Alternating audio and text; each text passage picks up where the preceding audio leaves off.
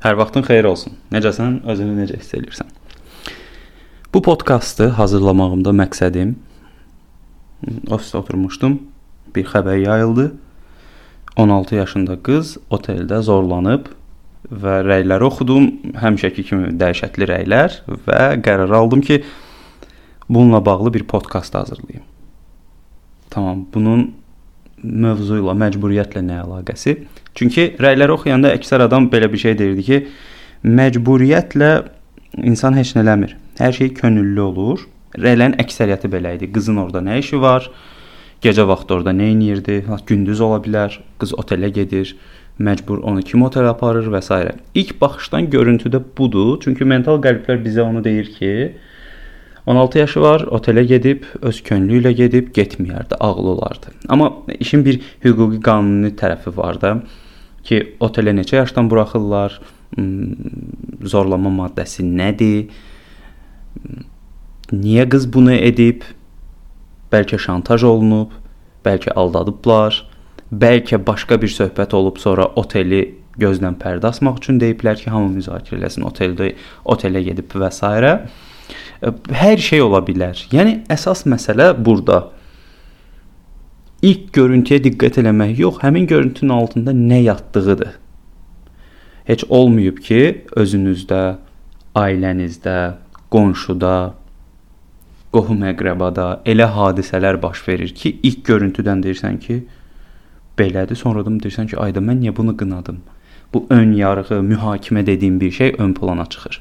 Məsələ budur məcbur olaraq insan nələr eləyə bilər? Təbii ki, bu hadisəni araşdıracaqlar, hüquqi qiymət olacaq. İndi başqa qaranlıq məsələlər varsa, aydınlıq gələcəksə, gələcək, gəlməyəcəksə, ortada bir günahkar var. Bir də e, bu prosesdə e, utanan, utanmayan, hər tərəfli hamı var da, yəni biabır olan hüquqi cəzasını alacaq şəxslər və s. hamı var. Nəysə, bunu qoyuruq qırağa. Amma insan məcbur nəsə edə bilərmi? Əlbəttə edə bilər.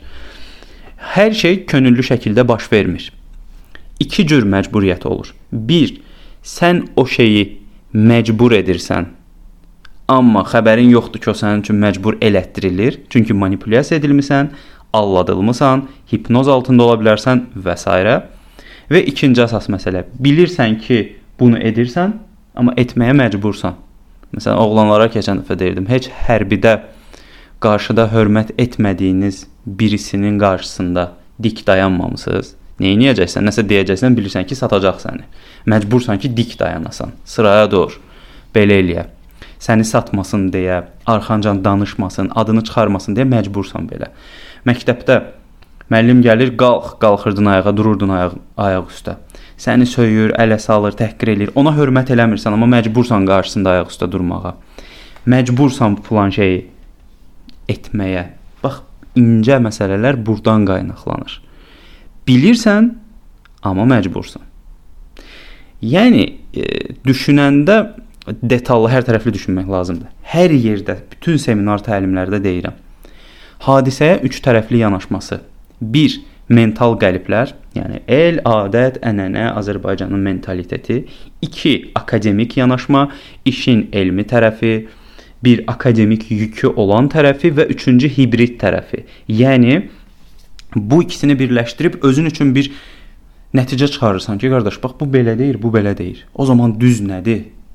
Düz nəyə deyirsə sən, o məşhur zarafat. Məsələ budur. Bu tərəfdən baxanda insan daha yaxşı analiz eləyə bilir və daha yaxşı qərar verə bilir. Yəni e, hamımızın məcbur qalıb nəsə elədiyi bir anlar olub. Bayaq başda demişdim, məcburiyyətin birinci tərəfi. Manipulyasiya oluna bilərsən, hipnoz oluna bilərsən, təsir altında ola bilərsən, affekt vəziyyəti ola bilər. İstənilən halda sənin məcbur nəsə etmənə səbəb ola bilər. Və sən bunu eləyərsən. Məsələ bax budur. Ona görə ön yarğı mühakimə etməmişdən öncə bu məsələlərə xüsusi diqqət yetirmək lazımdır ki, necə deyirlər, nə şiş yansın, nə kabab. Hə, bir də e, bir önəmli məsələ də var. Mövzunu bu mövzunu həmin hadisə ilə əlaqələndirdim. Əslində burada kiməsə bəraət qazandırmaq e, məqsədində deyiləm. Sadəcə olaraq baş verən hadisənin qablaşdırmasına yox, içindəki məhsula baxmaq daha yaxşıdır. belə bir test elirdim həmişə. Dərman qabında kiməsə hədiyyə eləyirsən. 100 adamdan 99-u bəlkə 100-ü də onu götürməyə tərəddüd eləyər ki, dərman qabında mənə niyə hədiyyə verirsən? Amma içini açsa bəlkə də çox bahalı bir hədiyyə ola bilər. Yəni qablaşmaya diqqət eləyirik, tamam, amma qablaşma hər şey demək deyil. Bir o qabı açıb içinə də baxmaq lazımdır. Düşünmək, araşdırmaq, reaktiv yox, proaktiv ə, e, qərarlar vermək. Yəni həmin reaksiya ilə yox, biraz proaktiv düşünərək, analiz eləyərək, məntiqlə, analogiya eləyərək qərar verəndə daha effektiv nəticələr əldə edə bilirik. Bax belə. Ona görə hamımızın məcbur qaldığı bir yer var. Amma əsas məsələ məcburiyyət yox, nəyisə məsuliyyətlə etməkdir. Çünki biz məcbur olduğumuz zaman deyil, məhsuldar, daha doğrusu məsuliyyətli olduğumuz zaman effektiv və məhsuldar çalışa bilirik. Ona görə bu məsələlərə diqqət etmək lazımdır. Belə düşünürəm ki, nə isə deyə bildim. Çox sağ ol dinlədiyinə görə. Suallar olsa sosial mediadan yazmağı unutma. Növbəti podkastlarda görüşərik. Hələlik.